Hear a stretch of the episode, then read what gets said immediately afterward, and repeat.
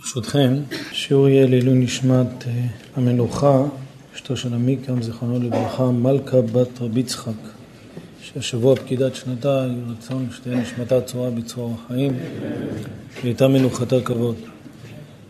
ברשותכם, נדבר היום על דברים שהיסודות כבר דיברנו עליהם הרבה פעמים, אבל היום אה, ננסה לבנות את זה קצת ב... בצורה אחרת. מה הכוונה? יש... אני אתחיל עם שאלה, אני אתחיל עם שאלה ואחרי זה, ואחרי זה בעזרת השם נתחיל את השיעור. אני אקדים שבאמת הסוגיה הזאת היא מאוד קשה ויש לשונות בחזון איש, יש, אה, יש לחזון איש ספר אמונה וביטחון אז בסימן ב' שמה יש כמה דיוקים בלשונו. מלבד זה,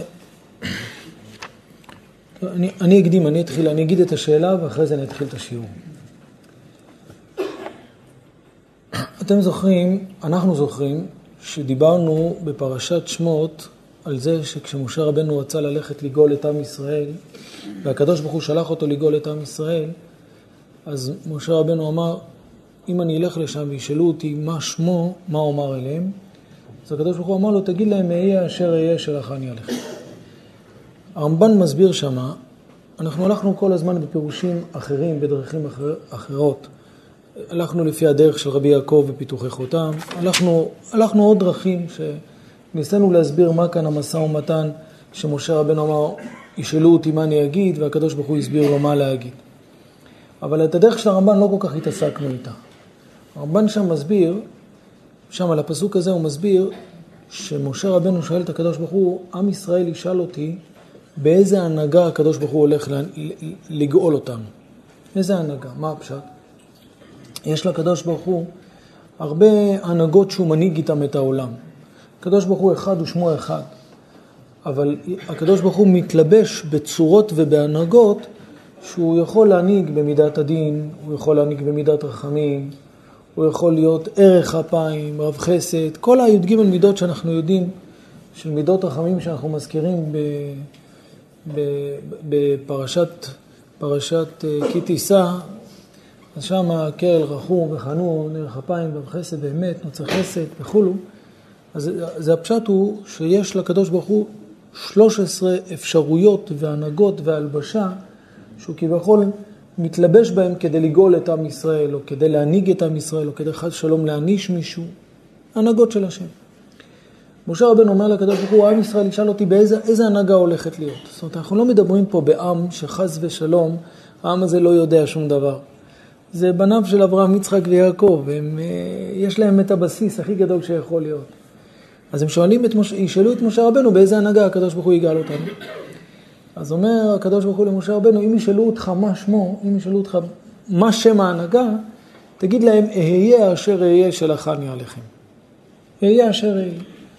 שוב, אנחנו הסברנו בעבר פירושים אחרים. שימו לב עכשיו לשינוי. אומר הרמב"ן, מה זה אהיה אשר אהיה שלחני עליכם? והכוונה להם בזה, כי משה אמר לפניו יתעלה, ואמרו לי מה שמו. שיגיד, שיגיד להם השם שיורה הוראה שלמה על המציאות ועל ההשגחה. והקדוש ברוך הוא השיבו, למה זה ישאלו לשמי? אין להם צורך לראיה אחרת. רק כי אהיה עמם בכל צרותם, יקראוני ואענה, והיא הראיה הגדולה שיש אלוקים בישראל. קרובים אלינו בכל קוראנו אליו, ויש אלוהים שופטים בארץ, וזהו. פירוש דבריו של הרמב"ן, שהרמב"ן אומר, לפי הדרך של הרמב"ן, הקדוש ברוך הוא אומר למשה רבנו, אתה יודע מה ההנהגה שתהיה? ההנהגה היא תהיה הנהגה פשוטה. הם מתפללים והם נושעים. אהיה אשר אהיה. יהיה להם בעיה, יהיה להם צרה, הם מתפללים, ו- וזה יהיה הראייה הכי גדולה, וזו ההנהגה הכי גדולה שתהיה כדי לראות את הנהגתו של השם בעולם, את גילוי מלכותו של השם בעולם. אז מה בעצם, מה בעצם ההנהגה שאיתה הקדוש ברוך הוא גואל? יקראוני ואני אענה. אהיה אשר אהיה, הם, הם יקראו אהיה אשר אהיה, ואני אהיה איתם. מה יהיה הסימן שלהם מי גואל אותם, איך גואלים אותם, זה יהיה הסימן, הם יקראו ואני אענה. ככה הרמב"ן מסביר. אני רוצה לשאול שאלה. את השאלה הזאת, זו לא שאלה שלי, זו שאלה ששאל אותה ראש ישיבה אצלנו בישיבה, אצלי, איפה שלמדתי, בצעירותי. ואני אשאל את השאלה ואחרי זה אנחנו נתחיל את השיעור. השאלה היא כזאת, יש גמרא, גמרא קשה מאוד, אני ברשותכם נקדים, אף פעם לא רציתי להגיד את הגמרא הזאת, כי פחדתי שאיך תקבלו את הגמרא הזאת. זה מסוג הדברים שלא מדברים עליהם, ככה, זה הגמרא, חס ושלום. אבל אחרי כל כך הרבה התעלות של כולנו, שברוך השם מתחזקים ומתעלים באמונה, אז אפשר להגיד את הגמרא הזאת. מה הגמרא אומרת? אומרת הגמרא ככה, אמר רב, זה גמרא בחגיגה בדף ה' עמוד א', אמר רב, כל שאינו בהסתר פנים, אינו מהם. מה הכוונה? אם אדם רואה שהכל הולך לא טוב בחיים, אז הוא לא מזרע ישראל. בשביל מה באתם? ככה הגמרא אומרת, כל שאינו, מי שלא רואה הסתר פנים בחיים, אז הוא לא מזרע ישראל. אדם צריך לראות בחיים הסתר פנים. אדם מתפלל והתפילות שלו לפעמים לא נענות, חס ושלום. אדם עושה דברים מסוימים והוא לא, הוא אומר איפה זה, איפה מה שאמרו לי, איפה... ברגע שאדם יש לו את ההסתר פנים, שהוא רואה שכביכול הנה אני עושה ואני לא רואה, זה נקרא הסתר פנים, כביכול הקדוש ברוך הוא מסתיר פניו, זה הסימן שהוא מזרע ישראל.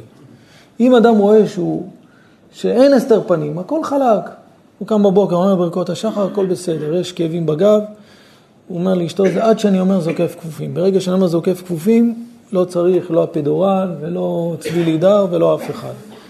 קם בבוקר, כשאתה אומרת מה קרה, כואב בגב, אבל שנייה אחת. ברוך אתה השם זוקף כפופים, הכל בסדר. אומר לה את זה, ושום דבר לא עוזר. אומרת לו, נביא לך אולי פידורל, נביא לך משהו. אומר לו, לא, זה משפיע, זוקף הגופים משפיע אחרי 40 דקות. עובר ארבע שעות, עובר ארבע ימים, והוא עדיין נשאר, כולו מעריך תרחת, נח נראה, כולו... אמרת לו, נו, איפה הזוקף כפופים שאמרת? אומר לה, לא יודע. הולך לרב, הרב, אמרת ש... אמרת שהם מתפללים, וכן, הוא אומר לו, הנה התפללתי ושום דבר, הפוך, הכאבים לאט לאט מחמירים יותר. אז הרב אומר לו, טוב, אז זה מתאים לגמרא. הגמרא אומרת, מי שזוכה לראות הסתר פנים, זה סימן שהוא מזרע ישראל, אם הכל היה חלק. אז, אה, אז הרמב"ן אומר, שכשמשה רבנו אומר, ישאלו אותי בני ישראל, מה, מה אני אגיד להם? הוא אומר, תגיד להם, ההנהגה היא, וזה הכלל, וזה הסימן הכי ברור שיש בורא לעולם, שאדם יש לו צרה, ואדם מתפלל, ואדם נושע, תראה יקראו ואני אענה. ככה הרמב"ן אומר. הם ישאלו שאלות, מה, מי זה השם, יש השם, חס ושלום, אין השם, יש שאלות, תגיד להם דבר פשוט מאוד, תגיד להם, אהיה אשר אהיה. והקדוש ברוך הוא ישיבו, למה זה ישאלו לשמי, אין להם צורך לראיה אחרת. רק כי אהיה עמם בכל צרותם, יקראוני ואענה. והיא הראיה הגדולה שיש אלוקים בישראל. להמשיך עוד קצת? עוד קצת. אדם אומר, שומר שבת כי אם מקור הברכה, מצוין. הוא לא זכה לשמור שבת, עכשיו הוא קיבל על עצמו לשמור שבת. כולם שומרים שבת, אבל בדקויות, בבורר, ו... התחיל לשמור שבת. הוא שמע דרשה כל כך מיוחדת, שמי ששומר שבת, אז הוא זוכה שהיא מקור הברכה. ובואו נצרף לזה עוד כמה בעיות, והוא נותן מעשר, והעשר בשביל שתתעשר. ולבוא עליי ואני פורע, והוצאות שבת, ויום חול, וראש חודש, וימים טובים. ו... בקיצור, הוא עושה את הכל, ושום דבר. אם הוא יבוא לרמב"ן, הרמב"ן יגיד לו, באמת זה לא ברור, מה, הרי זה מה שהקדוש ברוך הוא אומר, יקראוני ואענה. אם הוא מסתכל על הגמרא בחגיגה בדף ה', אומרת הגמרא, מצוין, עכשיו סימן שאתה מזרע ישראל. אם הכל היה חלק, תבדוק, אולי אתה בן דוד. חס ושלום. אז מה הפשט בזה? נכון? קושייה, קושייה חזקה. בסוף השיעור יהיה תשובה, אל תדאגו. יהיה תשובה, אבל זו שאלה ממש חזקה, כי צריך להבין, צריך להבין שבאמת אין סתירה, הרמב"ן חס ושלום לא חולק על הגמרא, הרמב"ן מדבר אחרי הגמרא. צריך להבין מה הכוונה שיש, שהסתר פנים זה אחד מהסימנים, וצריך להבין שהקדוש ברוך הוא אומר לבני ישראל בשעת הגאולה, הוא אומר יהיה אשר יהיה, אז צריך להבין מה יהיה אשר יהיה, ומה זה, ואיפה בחיים יש לנו את ההסתר פנים, זה הדברים שנעבוד עליהם היום בשיעור, בעזרת השם. זהו, אז, אז עכשיו אני מתחיל את השיעור. תזכרו את השאלה הזאתי, ו, ועכשיו אנחנו, אנחנו, עכשיו, עכשיו אנחנו נתחיל את השיעור, ואני בכוונה, אני, אני, אני רוצה להביא את כל המקורות קצת לאט לאט, כי אני רוצה ביחד שאנחנו נראה את, ה, את הדברים שצריך לעמוד עליהם ולהבין אותם. אז סוף פרשת שמות, כבר הזכרנו את זה שבוע שעבר, הזכרנו שכשהקדוש ברוך הוא שולח את משה רבנו לגאול את עם ישראל, משה רבנו הולך, מגיע לפרעה, ופרעה רואה שהם מתחילים לדבר, אנחנו רוצים ללכת, רוצים להתפלל, נלך ונזבחה להשם וכולו. אז פרעה אומר, יש להם זמן פנוי, כשמתחיל להיות זמן פנוי הם מתחילים לתכנן ומתחילים לדבר וזה. תכבד העבודה על האנשים, ואל ישו בדברי שקר, תבן אין עלבון וכולו. פרעה רואה שמתחילים לחשוב על טיולים ועל לצאת וללכת למדבר וכו', הוא אומר, סימן שהם לא מספיק עובדים עבודת פרך. אז אם עד היום נתתם אליהם את כל החומר גלם לצורך הבנייה של פתאום ורמסס, יותר אל תיתנו שום חומר גלם, הם ילכו לקושש קש ותבן והם יתחילים, ואם היה להם זמן פנוי, עכשיו ברור שלא יהיה להם זמן פנוי, כי עכשיו הם אה, יצטרכו. משה רבנו חוזר לקדוש ברוך הוא, אומר לו, כי מאז באתי לדבר אל פרעה בשמך, הראה לעם הזה והצל לא הצלת. לו, נהיה בדיוק ההפך, שלחת אותי לגאול את עם ישראל, נהיה בדיוק ההפך. אז הקדוש ברוך הוא אומר למשה רבנו, וככה מתחיל הפרשה של השבת, אומר לו הקדוש ברוך הוא, וידבר אלוקים אל משה ואמר אליו אני השם, והראה אל אברהם, אל יצחק ואל יעקב ואל שדי, ושמי השם לא נודעתי להם, וכולו. רש"י כאן אומר, תכף, תכף ניכנס לזה יותר לעומק, אבל רש"י כאן מסביר שהקדוש ברוך הוא אומר למשה רבנו, ההנהגה שהתנהגתי עם האבות הקדושים, זה הייתה הנהגה של שם שדי. וירא אל אברהם, אל ואל יעקב אל שדי, אבל ושמי השם, הוויה לא נודעתי להם. אבל עכשיו אני הולך להתגלות לבני ישראל במדבר, במצרים, בשם הוויה, שזה שם של אדון הכל היה הווה ויהיה, זהו. עכשיו בנושא הזה יש פה שלושה סוגיות שצריך לדבר עליהן. סוגיה ראשונה, בואו נדבר שנייה על משה רבנו. משה רבנו אומר לקדוש ברוך הוא, הלכתי לגאול את עם ישראל, ונהיה בדיוק ההפך. תכבד העבודה על האנשים. אז הוא אומר לקדוש ברוך הוא, כי מאז באתי לדבר אל פרעה, הראה לעם הזה והצל לא הצלת.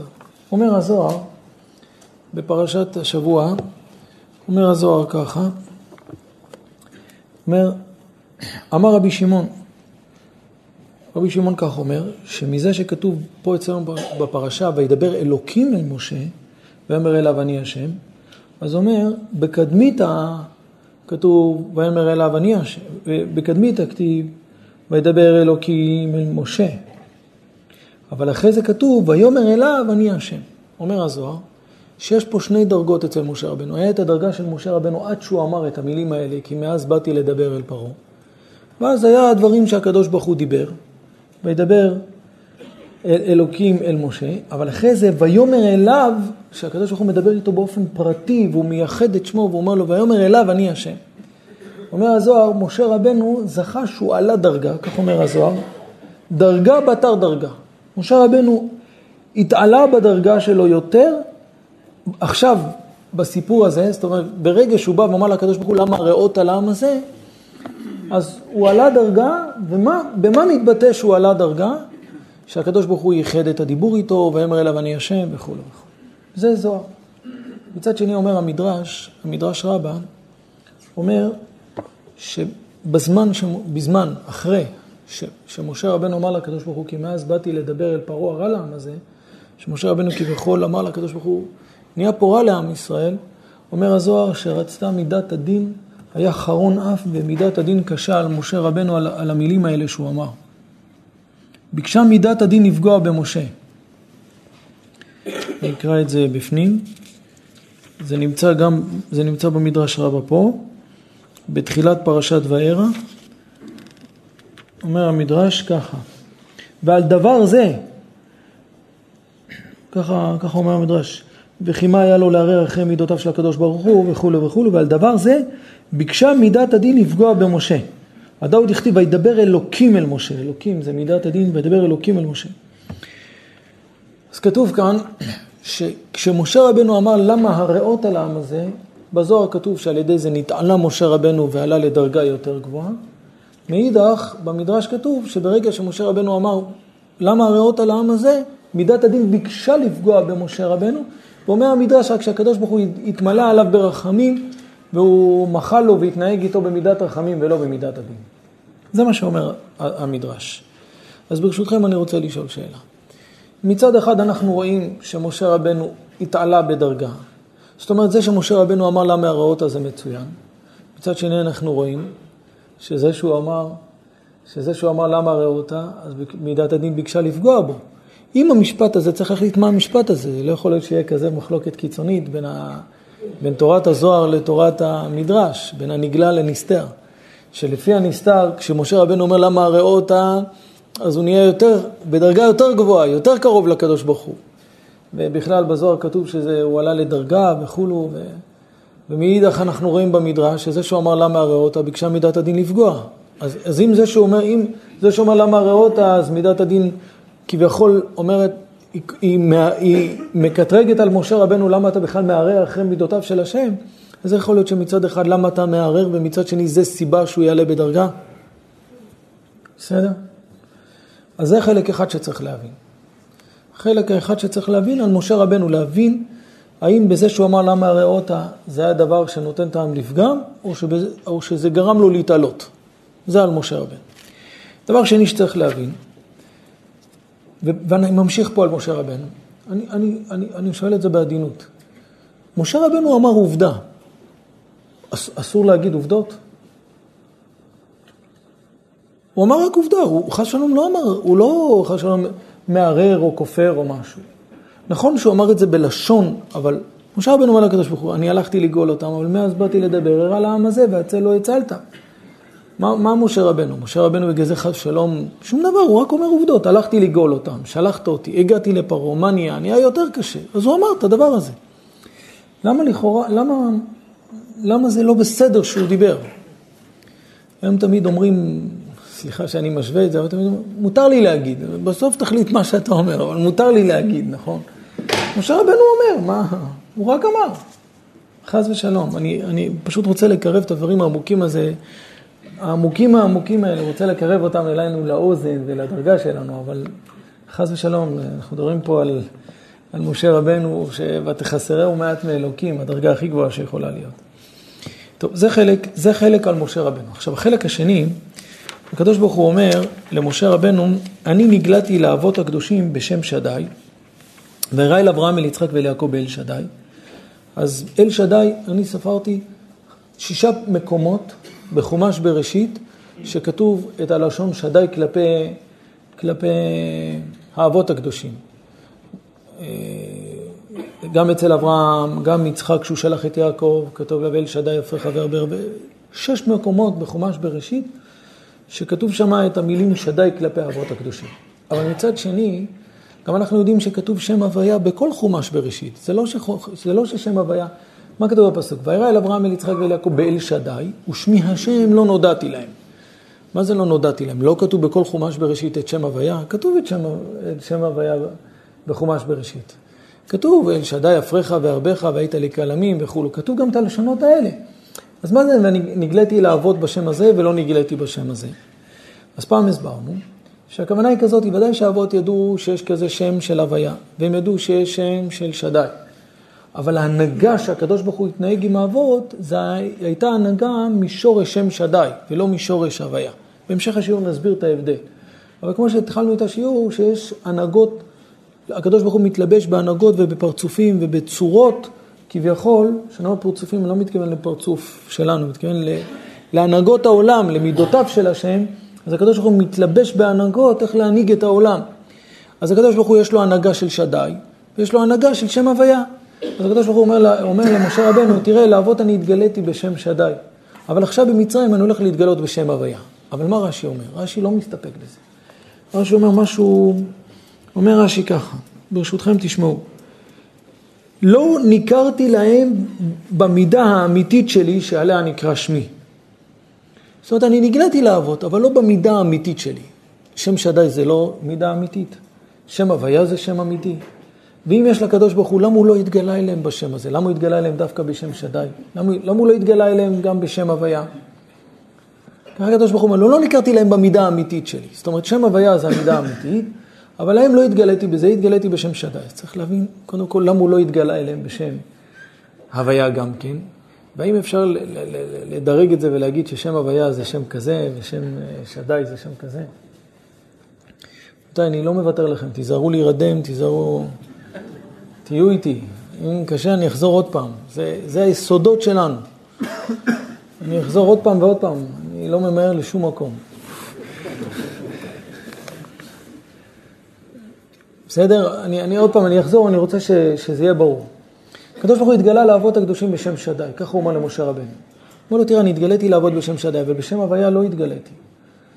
אומר רש"י, לא רק שלא התגליתי, אני לא התגליתי להם במידה האמיתית שלי. אז צריך להבין, למה אלה שהיו במצרים, הקדוש ברוך הוא התגלה אליהם בשם הוויה, שזה המידה האמיתית, ולאבות הוא לא התגלה. ומה ההבדל בינם? אומר המדרש, וירא אל אברהם, אמר לו הקדוש ברוך הוא למשה, חבל על דאבדין ולא משתכחין. הרבה פעמים נגליתי על אברהם, יצחק ויעקב באל שדי, ולא הודעתי להם כשמי השם, כשם שאמרתי לך ולא יררו אחי מידותיי.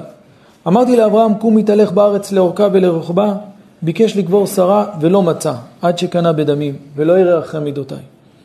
אמרתי ליצחק גור בארץ הזאת כי לך ולזרעך, ביקש לשתות מים ולא מצא, ויריבו רועה גרר עם רועה יצחק, ולא ירא אחרי מידותיי. אמרתי ליעקב הארץ אשר אתה שוכב עליה לך את עיננה ולזרעך, ביקש מקום לנטותה או לא ולא מצא, עד שקנה במאה כסיתה. ולא יראה אחרי מידותיי. ולא שאלני מה שמי כשם ששאלת אתה. ואתה תחילת שליחותי, תחילת שליחותי אמרת לי מה שמי ובסוף אמרת ומאז באתי לדבר לפרעה הראה לעם הזה והצל לא הצלת? כתוב כאן במדרש, הקדוש ברוך הוא אומר לו, תראה, אני הבטחתי לאברהם את הארץ. הוא בא לקבור את שרה, לא מוצא איפה לקבור את שרה. הבטחתי ליצחק גור בארץ, הוא בא לשתות מים, מים אין לו, הוא צריך, והריבו רואה. הבטחתי ליעקב, ליעקב אבינו, אמרתי לו, הארץ אשר אתה שוכב עליה לך את עינינו זרעך, ביקש יעקב לנטות העולו ולא מצא עד שקנה במאה כסיתה. לא שאלו שאלות, לא התחילו להגיד מה שמו ואיזה הנהגה וכל הדרשות. אמרו, הכל בסדר. אתה שואל אותי מה שמו, מה, אגיד, מה אומר אליהם, וזה, ואהיה אשר אהיה, ועכשיו אתה חוזר ואתה אומר לי, מאז באתי לדבר פרעה בשמך, הרע לעם הזה. כביכול, הקדוש ברוך הוא אומר למשה רבנו, אתה מערער, הם לא יראו. אני רוצה לשאול אתכם שאלה. שוב, אני פה על התפר, כל השיעור, תיזהרו, זה לא שאלות שמותר לשאול אותן, אבל רק בשביל להבין. מה הקדוש ברוך הוא אומר? אני מבטיח ולא מקיים? אתה הבטחת, אז בואו, סליחה, תסביר לנו. סליחה. אתה אמרת, הארץ אשר אתה נותן לך ולזרעך וכולו וכולו. אמרת לאברהם אבינו, כמו שכתוב, קום התהלך בארץ, כי לך ולזרעך אתננה. אומר הקדוש ברוך הוא לאברהם, לך לאורכה, לך לרוחבה, אתה רואה את כל זה, זה שלך. בא לקבור את שרה, אין לו איפה לקבור את שרה. לא יראה אחרי מידותיי. מה, מה הקדוש ברוך הוא מספר פה? נעצור רגע, סליחה. ראש עיר מחפש למנות אה, מנכ"ל לעירייה. בא מישהו מציע את עצמו, ובא עוד אחד מציע, הוא אומר לו, אני מעדיף אותו ולא אותך, למה? הוא, כשאני הבטחתי שאני הולך לתת הנחה, הוא לא שאל למה, העליתי את המיסים. אתה רק אמרתי שאני רוצה לתת הנחה, אמרתי, תן לי ערבויות, אז למה שאני אבחר בך? הנה, לוקח אותו. זה לא כמעט אותו דבר, חס שלום. זה שהוא אומר למשה, אני בחרתי בך, שלח אותך להיות שליח. אתה מתחיל לשאול אותי, ישאלו אותי מה שמו, הלכת, חזרת, אתה אומר, הרע לעם הזה. תראה את אברהם, אמרתי לו, קום יתהלך בארץ לאורכה ולרוחבה, כי לך אתננה. ובסוף הוא בא לקבור את שרה, אין לו איפה לקבור את שרה, ולא יראה אחרי מידותיי. למה אתה מערער? אני לא מבין, מישהו, אם מישהו מבטיח משהו, אז אסור ל- ל- ל- לשאול מה עם זה? בסדר רבותיי? אם מישהו חוזר על השיעור, אל תתחילו מפה, תתחילו עם כל ההקדמה. לא חס לשנות דברים, אנחנו לא מערערים ואנחנו לא שואלים, אבל צריך בסוף להבין שיש פה מסר. הקדוש ברוך הוא לא בא להגיד למשה רבנו, אני מבטיח חס שלום ולא מקיים. הקדוש ברוך הוא בא להסביר שיש הנהגה, שמהנהגה אפשר לקבל משהו ואחרי זה יש משהו אחר. ואצל משה רבנו זה הנהגה אחרת. לא הנהגה חס שלום של ילד קטן וילד גדול, לא זה הפשט. הכוונה היא הנהגה בשמותיו של השם. זה לא שאתה אומר לילד משהו, אז אתה צריך להיות אחראי למה שאתה אומר, וכשאתה אומר למבוגר, לא זה הכוונה, חס ושלום. זה לא בהתאם לגיל של, ה... של, ה... של מי שמולך, לא זה הכוונה חס ושלום, אלא זה בהנהגה, יש הנהגה כזו ויש הנהגה כזו. זה המטרת השיעור בסוף, להסביר את כל זה. אז אנחנו מקודם שאלנו על משה רבנו, נחזור בקצרה, מקודם שאלנו על משה רבנו. ניסינו להבין ש... שראינו שמשה רבנו אמר כי מאז באתי לדבר אל פרעה בשמך הרע לעם הזה והצלו הצלת ואז אנחנו אמרנו, זאת אומרת משה רבנו אמר את העובדות, למה משה רבנו לא יכול לומר את העובדות? זה מה שניסינו להבין. בנוסף לזה, אה, עכשיו אנחנו, אחרי שאנחנו דיברנו על משה רבנו, אנחנו מתעסקים פה עכשיו עם, אה, סליחה, ועוד ניסינו להבין אצל משה רבנו, האם על ידי זה שהוא אמר כי מאז באתי לדבר אל פרעה בשמך, האם זה גרם לו להתעלות יותר או שזה גרם לו לחרון אף? הבאנו את הזוהר שזה גרם לו להתעלות יותר, מצד שני הבאנו את, המדרש, המדרש אומר שזה גרם לחרון אף, עד שהקדוש ברוך הוא ביקשה מידת הדין לפגוע. אז אמרנו גם את הדבר הזה צריך להבין.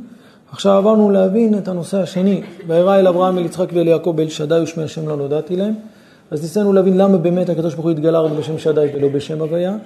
דבר שני שניסינו להבין שהקדוש ברוך הוא אומר שלא ניכרתי במידה האמיתית. מה זה מידה אמיתית ולא מידה אמיתית? מה, שדי זה לא מידה אמיתית? ודאי שזה מידה, אז מה זה המידה האמיתית? ודאי שזה אחד ממידותיו של השם. כל חומש בראשית יש את הלשונות האלה של אה, וירא אל אברהם, אל יצחק ואל יעקב באל שדי, מה, זאת אומרת, זה ודאי. ועוד דבר ששאלנו בסוף, שהקדוש ברוך הוא אומר למשה רבנו, תראה, האבות לא יררו, אתה מערער, אני הבטחתי את הארץ לאברהם, ליצחק וליעקב, וכולם התמודדו עם ההבטחה הזאת שהיא לא מתאימה ביחס למה שהבטחתי. הקדוש ברוך הוא הבטיח לאברהם את הארץ ולא מצא איפה לקבור את שרה, הבטיח ליצחק את הארץ ולא מצא לשתות מים, הבטיח ליעקב את הארץ ולא מצא איפה לנטות העולו. אז הקדוש ברוך הוא מספר את זה כדי שמה? כדי שנשמע את הסיפור או כדי ש... בסדר רבותיי?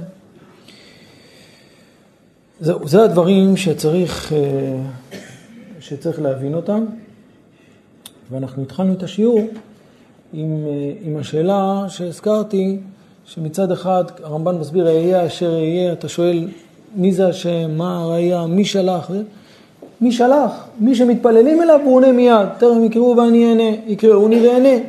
אז מצד אחד הקדוש ברוך הוא אומר למשה רבנו יקראוני ואענה, ואז הבאנו את הגמרא בחגיגה בדף ה' עמוד א', שהגמרא שם אומרת כל שאינו בהסתר פנים אינו מזרע ישראל. אז אמרנו איך זה הולך, הרי הקדוש ברוך הוא אומר למשה רבנו, אתה יודע מה ראיה שיש אלוקות, אתה יודע מה ראיה שיש בורא לעולם, שמתפללים הוא עונה מיד, מצד שני, מי שלא רואה הסתר פנים אז אינו מזרע, אינו מזרע ישראל. בסדר? טוב, אז אנחנו נתחיל קצת, אה, נתחיל קצת ליישב את הדברים ונבנה את זה בצורה, נבנה את זה בצורה איטית, בסדר? לאט לאט. מה היה בעצם, יש איזה תקציר שהרבה פעמים אנחנו אומרים אותו, ואני לא רוצה להאריך בו עכשיו, אבל אנחנו יודעים שכשאדם הראשון אכל מעץ הדת, אני אומר תקציר קטן לפני שאני מתחיל, אבל תקציר קטן. אנחנו תמיד הזכרנו בשיעורים הבאנו את האלשיך הקדוש, את הר"ן, זה דברים שמיוחסים לארי הקדוש ועוד, שבעצם בגלל שהאדם הראשון אכל מעץ הדת וכל הנשמות שבעולם היו עצורים בגופו של אדם הראשון, אז ברגע שהאדם הראשון אכל מעץ הדת, אז הוא הטיל זוהמה בכל הנשמות שהיו תפוסות בו, ובגלל זה הקדוש ברוך הוא אמר לאברהם אבינו, ידוע תדע כי גר יהיה זרעך בארץ לא להם ועבדום ועינו אותם וכולי וכולי. זאת אומרת, בגלל שבני ישראל, בגלל שכל הנשמות הם חטאו ואכלו מעץ הדת, אז היה צריך לגרום לקחת את כל הנשמות, להביא אותם למצרים, ובשביל זה ירדו אבותינו למצרים, ושם הקדוש ברוך הוא שאיבד את בניו כדי לתקן את החטא הזה של האדם הראשון. זה בעצם התכלית של כל הירידה של בני ישראל למצרים. אבל מה היה בעצם במצרים? אז פה מגיע יסודות שהם כתובים בספר שם שמואל ובעוד הרבה ספרים, ש... ש... וגם עוד, ממש הרבה הרבה מאוד, שהיסוד הוא כזה, כל המהות של מצרים היא הייתה מהות שכמו שהקדוש ברוך הוא ברא את העולם, הוא ברא אותו בעשרה מאמרות, והעשרה המאמרות האלה התקלקלו, בגלל שאדם הראשון הגיע אחרי כל העשרה המאמרות האלה, והוא אכל מעץ הדת, אז עכשיו היה צריך כביכול לברוא את העולם מחדש, אבל לא בוראים את העולם מחדש, כי העולם קיים. אז היה צריך שכנגד המאמרות שהקדוש ברוך הוא אמר והוא ברא עולם, יהיה מאמרות אחרות, יהיה דברים אחרים שהם יתקנו את העולם. להבדיל, כמו שיודעים היום להגיד את המשפט חוויה מתקנת. מה זה חוויה מתקנת? חוויה מתקנת, הכוונה היא, אדם היה באיזה מקום, והוא טרח, והוא נסע שם שעה שלמה כדי להגיע לשם, והוא ציפה שיהיה סעודה ויהיה שמחה ויהיה הכל בסדר, וכשהוא הגיע לשם, האוכל לא היה, נפל החשמל, לא היה אוכל, התזמורת לא, הרמקול לא עבד, לא, לא היה, אז אדם יש לו הרגשה לא טובה.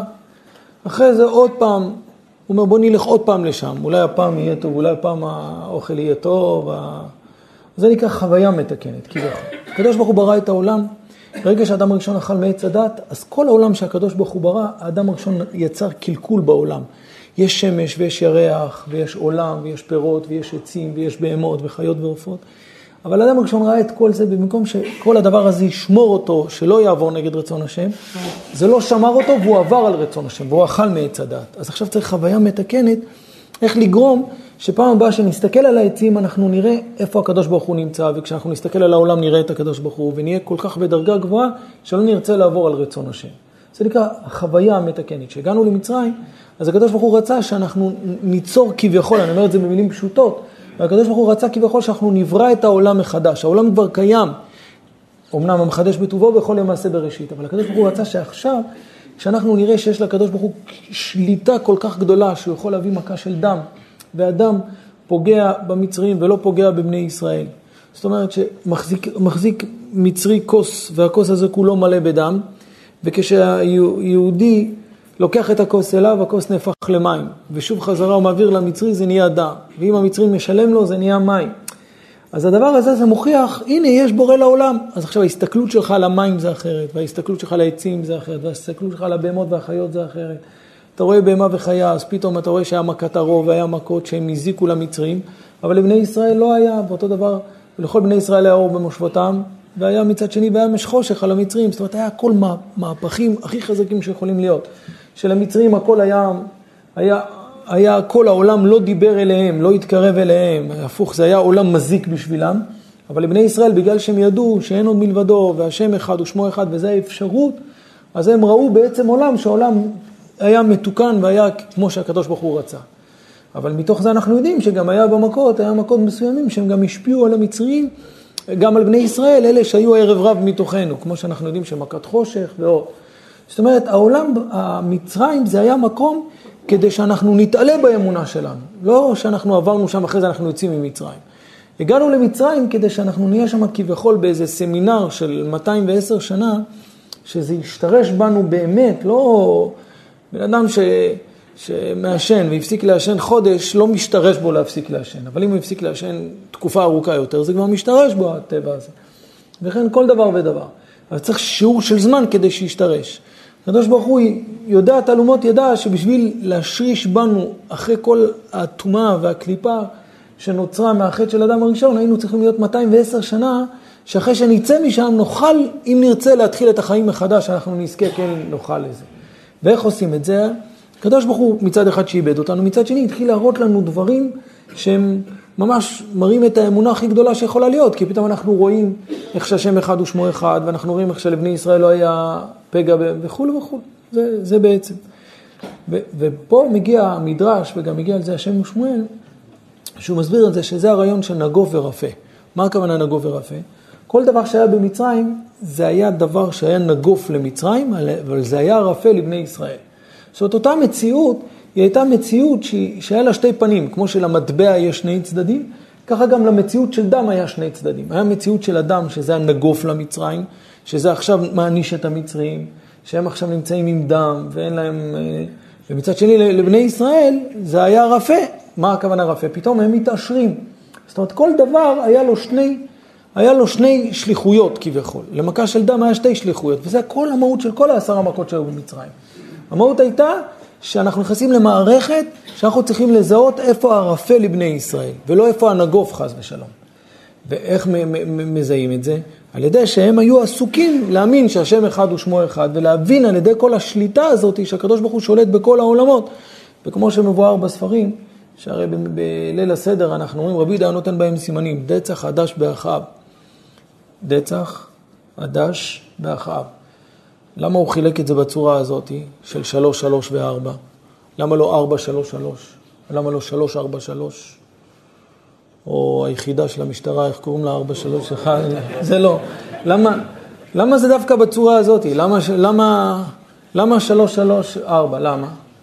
אז כתוב בספרים, המלבים אומר, שהשלושה מכות הראשונות, דצ"ך, דם, צפרדע וכינים, זה מכות שהן מגיעות עד האדמה. עד האדמה. דם זה במים, וצפרדע נמצא במים, וכינים נמצא בעפר. אחרי זה עד"ש, שזה ערוב ודבר ושחין, זה מכות שנמצאות בין הארץ לשמיים.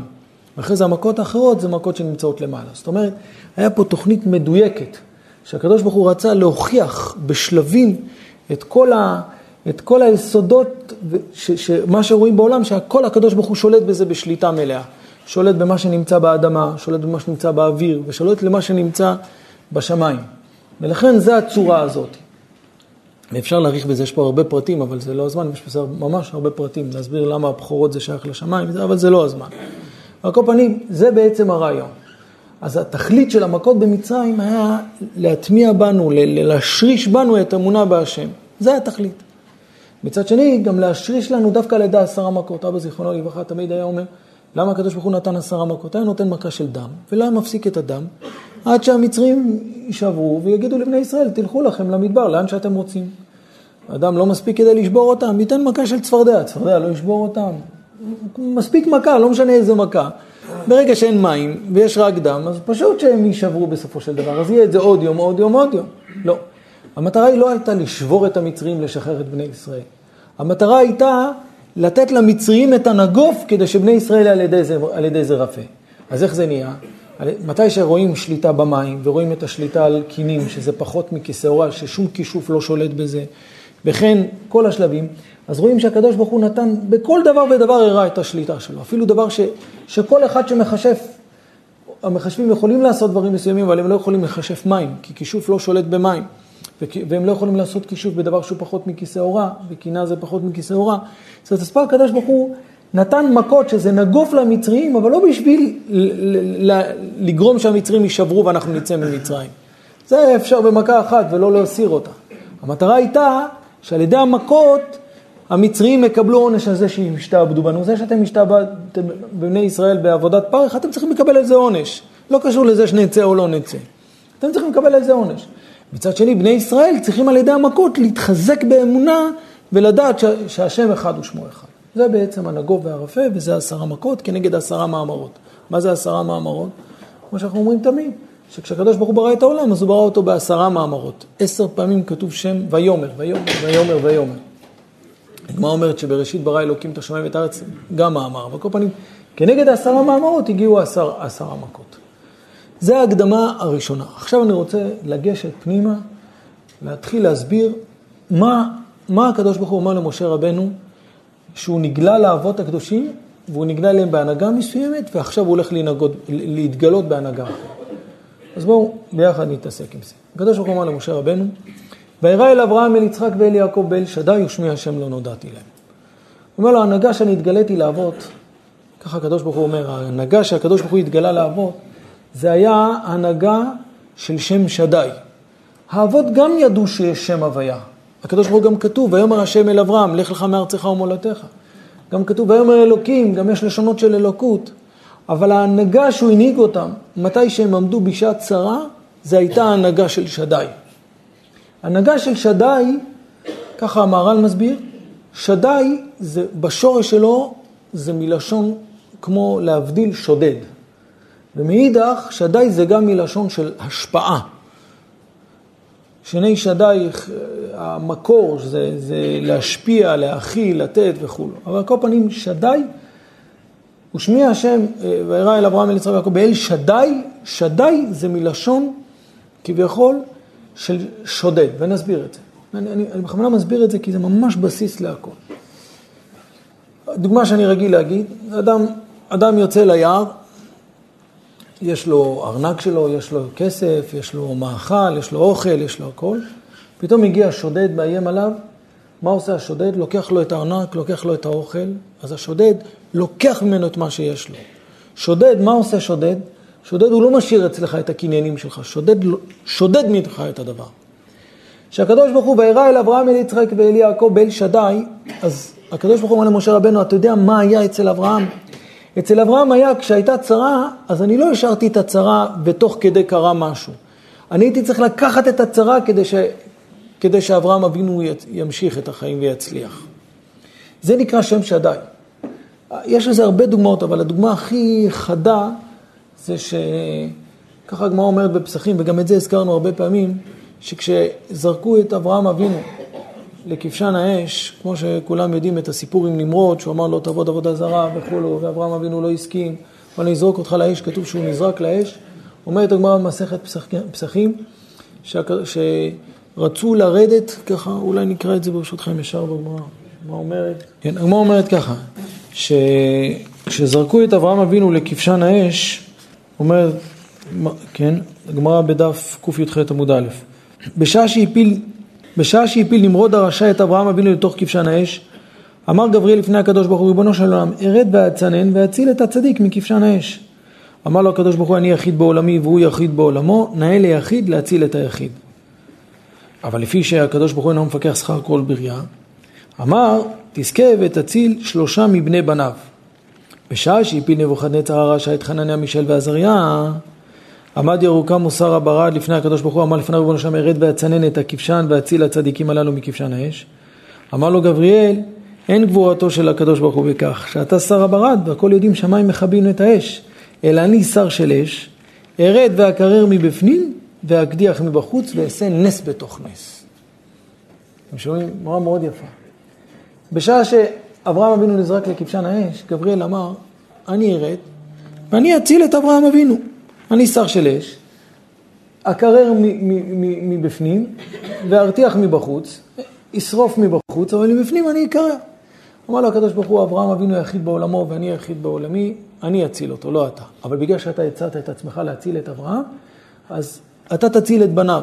כשזרקו את חנניה, מישאל ועזריה לכבשן האש, אז בא שר ירוקם או שר הברד, ואמר, אני אסדר ברד ככה סביב חנניה, מישאל ועזריה שלא יישרפו. האש מבחוץ, אבל אני, אני אציל, אציל אותם. אמר לו גבריאל, זה לא חוכמה, כולם יודעים שברד מכבה אש, מה, מה החוכמה בזה? החוכמה היא שאני גם שר של אש וגם אני ארד, והשר של האש הזה ישרוף מישהו ולא ישרוף אחד, וזה נס בתוך נס. אמר לו הקדוש ברוך הוא, שם אתה תהיה. מה ההסבר בגמרא הזאת? ההסבר הוא כך, יש שתי אפשרויות איך לגאול את אברהם אבינו. יש אפשרות לגאול את אברהם אבינו בזה שהקדוש ברוך הוא מקרר סביב אברהם אבינו, יורד שר של ברד ומקרר סביב אברהם אבינו. מה אומר גבריאל? מה אומר גבריאל? אומר זה לא חוכמה. כולם יודעים שברד לא שורף. החוכמה היא שהכל אש ויש אחת שהיא שורפת ואחת שהיא לא שורפת. מה אמר לו הקדוש ברוך הוא? אמר לו, אתה יודע מתי אתה תעשה את, ה, את הנס המיוחד הזה? אצל חנניה, מישאל ועזריה. פה אל תעשה את זה. למה? מה החילוק? למה? הקדוש ברוך הוא אמר לו, אני יחיד בעולמו, הוא יחיד בעולמו, אבל מה הרעיון? הקדוש ברוך הוא אמר לו, עכשיו ההנהגה היא לא נס בתוך נס. ההנהגה היא עכשיו שכשיש אש, צריך לגרום שהאש לא תשרוף. אתה, כשאתה עכשיו בא עם איזו חוכמה גדולה ועם איזה נס והפלא גדול, שהכל אש, אבל היא שורפת פעם והיא לא שורפת פעם, זה מגיע רק אחרי שבני ישראל יוצאים ממצרים. אז מתחילה ההנהגה של נס בתוך נס. אני אסביר את זה עוד קצת, כדי שזה יהיה ברור. עוד קצת נסביר. יש נועם אלימלך, הרבה פעמים אנחנו מזכירים אותו, אבא היה מזכיר אותו תמיד. שנועם אלימלך אומר, ש... שכתוב ש... שהם באו לפרעה והם אמרו לו שאנחנו באים להוציא את בני ישראל, השם שלח אותנו וכולי, אז הקדוש ברוך הוא אמר להם, תעשו לו שלושה סימנים, שלושה ניסים, שלושה דברים ש... שהוא יבין שאתם, שאני שלחתי אתכם. אחד מהניסים היה שיזרקו את המטה, יזרקו את המטה וזה נהפך לתנין. כתוב שאחרי שאהרון זרק את המטה שלו, כתוב שאהרון החזיר את המטה להיות מטה, ואז ויבלע מטה אהרון את מטותם. אומר הנועם אלימלך, למה אחרי שהוא נחזר, חזר להיות מטה, ויבלע מטה אהרון את מטותם? אומר הנועם אלימלך, נחש אוכל נחש. נכון? נחש שוכן נחש, זה לא חוכמה. אם, אם המטה של אהרון היה ממשיך להיות נחש, אז הוא היה, והיה בולע את כל הנחשים. הרי מה פרעה עשה? כשהם באו והביאו את, ה, את המטה והפכו אותו לנחש, אז פרעה צחק עליהם, אמר להם, אתם, תגידו לי, זה...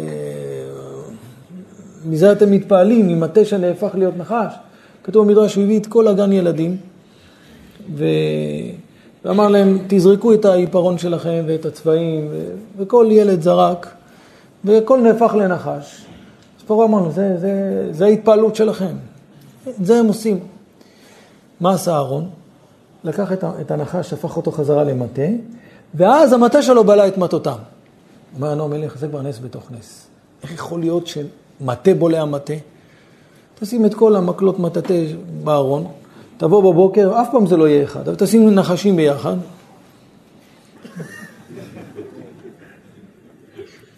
אתמול היה אצלי איזה יהודי, באמת מעניין, אמר לי שהוא מגדל נחש. עכשיו, אני אוהב בכלל בעלי חיים, אז מצאתי מהר מישהו לחקור על הנחש. אז אני אומר לו, ומה, איך הוא אוכל כל יום, שלוש פעמים ביום? הוא אומר לי, אוכל פעם בשבועיים. פעם בשבועיים, חשבתי ש... שמים לו אוכל פעם בשבועיים, אמרתי לו, למה? הוא אומר לי, עד שהוא מעכל את זה, לוקח לו שבועיים. אמרתי לו, והוא לא חונק, והוא לא זה, הוא אומר, לא, רק את האוכל שלו הוא חונק. זה, לא היה לי עוד מה לדבר איתו, רציתי עוד קצת להתעניין על הנחש, אבל זה הסתיים פעם בשבועיים. אבל כנראה זה מתאים לקללה ש... שהקדוש ברוך הוא אמר לו, עפר תאכל כל ימי חייך. כל פנים, למה אני אומר, למה... אה, אז נחש, בולע נחש. נחשים אוכלים נחשים. אחד אוכל את השני, אבל מקל לא אוכל מקל, זה לא חיה אוכלת. זה לא, זה, זה דומם, דומם לא אוכל דומם, לא מתחבר לדומם.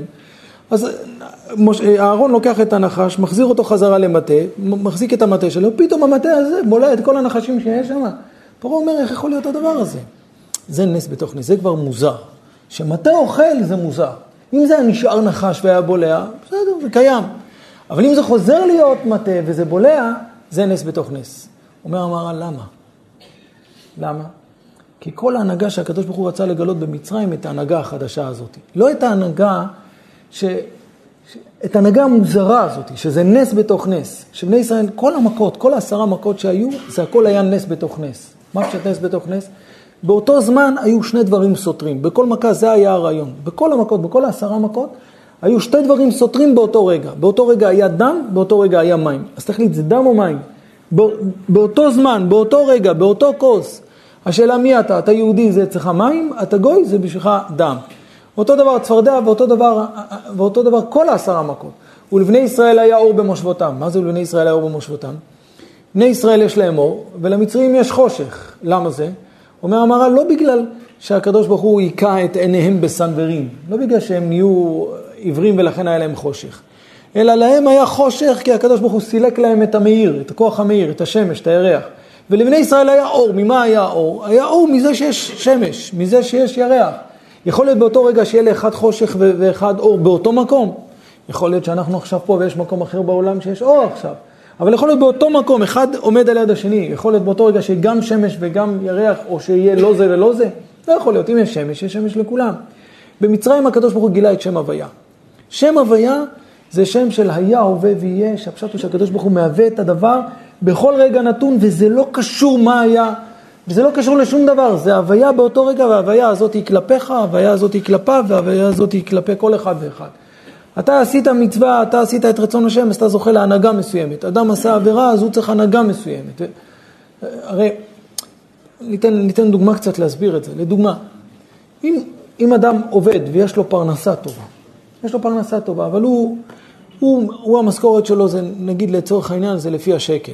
הוא מתפרנס בשקלים. אבל ההוצאות שלו, זה לפי, זה לפי, יש לו הוצאות מסוימות שהוא צריך להוציא אותן בדולר. אז הוא מתפלל על השער של הדולר כדי שזה יתאים אליו.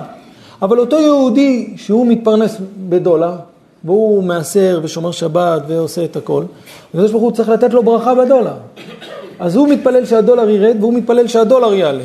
אז איך שני הברכות מסתדרות ביחד? איך שני התפילות? שניהם באים מתפללים לקדוש ברוך הוא. אחד מתפלל מקירות ליבו שהדולר יעלה. הוא אומר לקדוש ברוך הוא, תראה כמה צדקות עשיתי ותראה כמה שמרתי שבת ותראה ותראה ותראה והכל אני עושה לכבודך. אז עכשיו הוא מתפלל שהדולר יעלה. השני אומר, תראה כמה הוצאות יש לי ואני צריך לשלם את זה בדולר, לפחות שהדולר ירד, שהדולר ירד מטה מטה, ואז אה, אף אחד לא נאמן, אז כנראה כולם פה מרוויחים בדולר. אבל שהכל ירד מטה מטה, ואתה רואה אחד ככה, אחד ככה. ושניהם מתפללים, ושניהם הקדוש ברוך הוא מושיע אותם. אונייה נמצאת בים, יש אונייה שרוצה להגיע לחוף, ויש אונייה שרוצה לצאת החוצה. פה רב החובן מתפלל שהקדוש ברוך הוא ייתן רוח שידחוף אותו לתוך הים, ופה הוא מתפלל שהקדוש ברוך הוא ייתן רוח שיביא אותו לחוף. אז איך, אז איך הכל הולך ביחד? זה רק הקדוש ברוך הוא יכול. גם, גם אם ננסה להסביר את זה פיזית, איך עובר הדבר הזה, אני לא יודע להסביר את זה. אבל אני יודע דבר אחד, שהקדוש ברוך הוא יכול לגרום שזה שהדולר יעלה, זה יהיה ברכה גם לזה וגם לזה, כי יהיו עוד דברים מסביב, ואף אחד לא יכול לדעת מה הדברים שיכולים להיות עוד מסביב. זה לא כל דבר, פה מונח הברכה, או שפה מונח העונש, או שפה מונח ההפסד. גם אם אתה, יש לך הוצאות בדולר, ומבחינתך אם הדולר ירד זה יותר טוב, אבל הקדוש ברוך הוא לעשות גם שהוא יעלה מעלה מעלה וזה לא יזיק לך. יהיה, יהיה חשבונות אחרים. אז אתה תקבל תרומה ממישהו בדולר שזה, שיכסה על כל העלייה הזאת. אתם בשקלים, אבל לא משנה. אומרת, לא, הכל שטויות. הכל רק אם יש אמונה או אין אמונה. זה, זה החשוב. ואת זה הקדוש ברוך הוא מגלה במצרים. וירא אל אברהם, אל יצחק ואל יעקב ואל שדי. הקדוש ברוך הוא התגלה לעבוד בשם שדי. מה זה שם שדי? אברהם, אני מבטיח לך שהארץ שלך. לך לך לאורכה ולרוחבה, כי כל הארץ אשר אתה רואה לך את עינינו ולזרעך. מה היה צריך להיות? כשהקדוש ברוך הוא מבטיח לאברהם אבינו, אז יש לו את הארץ. לא יכול להיות שהארץ שלו ומצד שני אין לו איפה לקבור את שרה. אז ההנהגה של שם שדי, זה ברגע שהקדוש ברוך הוא מבטיח לו את הארץ, אז צריך להיות שיהיה לו איפה לקבור את שרה. אז כשהקדוש ברוך הוא אומר, שימו לב, פה אני מתחיל לענות תשובות. כשהקדוש ברוך הוא אומר לאברהם, למשה רבנו, תראה, שאמרתי לאברהם אבינו, כי כל הארץ אשר אתה רואה לך את עיננה, לך לך לאורכה ולרוחבה, אברהם אבינו לא יראה אחרי מידותיי. מה הכוונה לא יראה? כי, כי אצלך משה רבנו לא היה פה בכלל, בהנהגה שאני מגלה עכשיו במצרים זה בכלל לא שאלה. למה זה לא שאלה? כי יכול להיות באותו רגע שכל הארץ שלך, ויכול להיות גם שכל הארץ לא שלך, ויכול להיות שלא יהיה לך מקום איפה לקבור. ההנהגות הסותרות, זה המציאות שאנחנו נמצאים בהן מהרגע שיצאנו ממצרים עד היום. היום אנחנו חיים בהנהגות סותרות. וזה הנהגה של שם הוויה. למה, למה, למה זה הנהגה סותרת? כי אתה יכול לראות מצד אחד שהקדוש ברוך הוא מבטיח לך את הארץ, ואתה יכול לראות מצד שני שלא יהיה לך איפה לקבור את שרה. איך? זה תלוי באיזה מצב אתה נמצא באותו רגע, ותלוי בכל דבר ודבר. אבל אצל אברהם אבינו, הקדוש ברוך הוא לא מספר למשה רבנו, תראה, אני הבטחתי לאברהם ולא היה לו מקום לקבור את שרה. הוא אומר לו, תראה, אצלך, אתה משה, בהנהגה החדשה שאני מגלה לך, בכלל זה לא היה לך קושייה הדבר הזה. אבל אצל אברהם אבינו זה היה צריך להיות כן קושייה. כי אברהם אבינו היה צריך להגיד לקדוש ברוך הוא, אם אתה מבטיח לי את הארץ, אז מה זה הנהגת שדי? או שכן, או שלא, אין באמצע, אין דברים סותרים ביחד. אבל אברהם אבינו לא יראה אחרי מידותיי. למה אברהם אבינו לא יראה אחרי מידותיי? כי אברהם אבינו גילה את שמו של הקדוש ברוך הוא שם שדי, אני אומר פה דברים עמוקים, אני אנסה להוריד אותם במקסימום. אברהם אבינו הכיר את הנהגתו של הקדוש ברוך הוא בשם שדי, שההנהגה היא כזאת שאברהם אבינו שם הצליח לגלות את השם בלי להעלות אותו למקום שמשם הוא יצליח לגלות את השם. קצת עמוק, אני, אני אסביר את זה. אנחנו אומרים כל יום בלינו לשמח, אנחנו אומרים לתקן עולם במלכות שדי. אם אנחנו אומרים מצד אחד לתקן עולם במלכות שדי, אז מה זה, אנחנו מת, מתפללים שהקדוש ברוך הוא יתקן ויתקין את העולם בהנהגה של שדי, נכון? לתקן עולם במלכות שדי. אז אנחנו מתפללים ומאחלים להנהגה של שדי. מצד שני, אומר הקדוש ברוך הוא למשה רבנו, את המידה האמיתית שלי לא התגליתי לאבות. אז, אז מה יותר טוב, שם שדי או שם הוויה? ואם שם הוויה זה השם המידה האמיתית, אז למה אנחנו אומרים לתקן עולם במלכות הוויה? למה לתקן עולם במלכות שדי? הפשט הוא כזה. אברהם אבינו הגיע לדרגה שהוא ביטל את הדעת שלו כבר בשם שדי. הוא לא היה צריך להגיע לדרגות יותר גבוהות בשביל לבטל את ההנהגה. אז אברהם אבינו ביטל את הדעת שלו כבר, כבר בשם שדי. ואני פה רוצה להסביר משהו, אני פותח חלון חדש, אני מסביר משהו, תהיו איתי רבותיי, זה לא קשה, אני, אנחנו נעבור את הכל. זה יסודות שלנו, יסודות של האמונה. אני אסביר את זה. הבסיס להכל, הבסיס לכל מה שקורה בעולם, זה שאנחנו נבטל את עצמנו לקדוש ברוך הוא. אדם בא לעולם לחיות 120 שנה, שאין לו מחשבות מול השם. הוא עושה מה שהשם אומר, לא בגלל שזה נכון, לא בג... הכל מה שהשם אומר זה נכון, אבל לא בגלל שזה נכון לי לעשות, לא בגלל שזה כדאי לי לעשות. לפעמים נותנים לנו תמריצים, אבל אנחנו פה, רק בשביל לעשות את רצון השם. אנחנו חיים 120 שנה כדי לבטל את הדעת שלנו בשביל השם. את זה עשה, את זה עשה אברהם אבינו. כשהקדוש ברוך הוא אמר לאברהם, קח נא את בנך את יחידך אחרי 100 שנה, אברהם אבינו אומר, מה, תיקח, לא תיקח, מה שאתה רוצה. אני, אין לי שום דבר שלי, אין לי שום דבר בראש שלי, אין לי שום דבר בשבילי, אין לי שום תוכניות, אין לי שום כלום. אני ודאי רוצה לראות את הבן ולראות ועוד ועוד ועוד. זה בן שנולד אחרי 100 שנה. אבל אני לא חושב על אברהם, אני חושב, מה אתה רוצה, השם בעולם, שאני אעשה? ואני פה בשביל, בשביל הקדוש ברוך הוא, זה אברהם אבינו עשה, אותו דבר יצחק ואותו דבר יעקב, ואותו דבר, יעקב עומד מול הבנים שלו, רק תחשבו על זה, עומד מול הבנים שלו, הוא נפרד מהם לפני שהוא נפטר, הוא מתחיל להוכיח אותם. מה אתה מוכיח אותם? תתחיל להבטיח להם הבטחות, ואחרי זה, ואחרי המאה ועשרים שיבואו לציון לבקש אותם. מה, מה אתה עכשיו מתחיל להגיד לו, אתה תהיה עני, ואתה תהיה סופר, ואתה לא יהיה לך מה לאכול, למה? האבות הקדושים, אנחנו צריכים, באנו לעשות את רצון השם. צריך שהכל יהיה חלק ולא יהיה שום דבר. ואם יש משהו לא בסדר, בוא נעשה על זה תשובה ונתקן את זה. הם מסתכלים אמיתי על החיים. זה אברהם, זה יצחק, זה יעקב. אז אצל האבות, הביטול הדעת שלהם, הם לא היו צריכים להגיע להנהגות סותרות כדי להגיע לביטול הדעת. הם הגיעו לביטול הדעת גם בזה שאומרים לו, הארץ שלך, ופתאום רואה אין לו איפה לקבור את שרה. אז מה הוא מבין? הוא אומר, זה לא בעיה בכלל. יש לך הוא הבטיח לי כי לארץ אשר אתה רואה, לך את עינינו ולזרעך. אז התוכנית הוא שהארץ הזאת היא שייכת לי ולבניי ולכל משפחתי. אז אם עכשיו יש משהו, אני מזה עכשיו יכול להיכנס למשבר חס ושלום. הקדוש ברוך רוצה, ייקח את הארץ, לא ייקח את הארץ. אברהם אבינו מבטל את הדעת שלו. זה, זה הגדלות של אברהם. שהוא יכול לבטל את, ה, את הדעת שלו גם בדברים הכי פשוטים ובסתירות הכי, הכי קיצוניות נקרא לזה.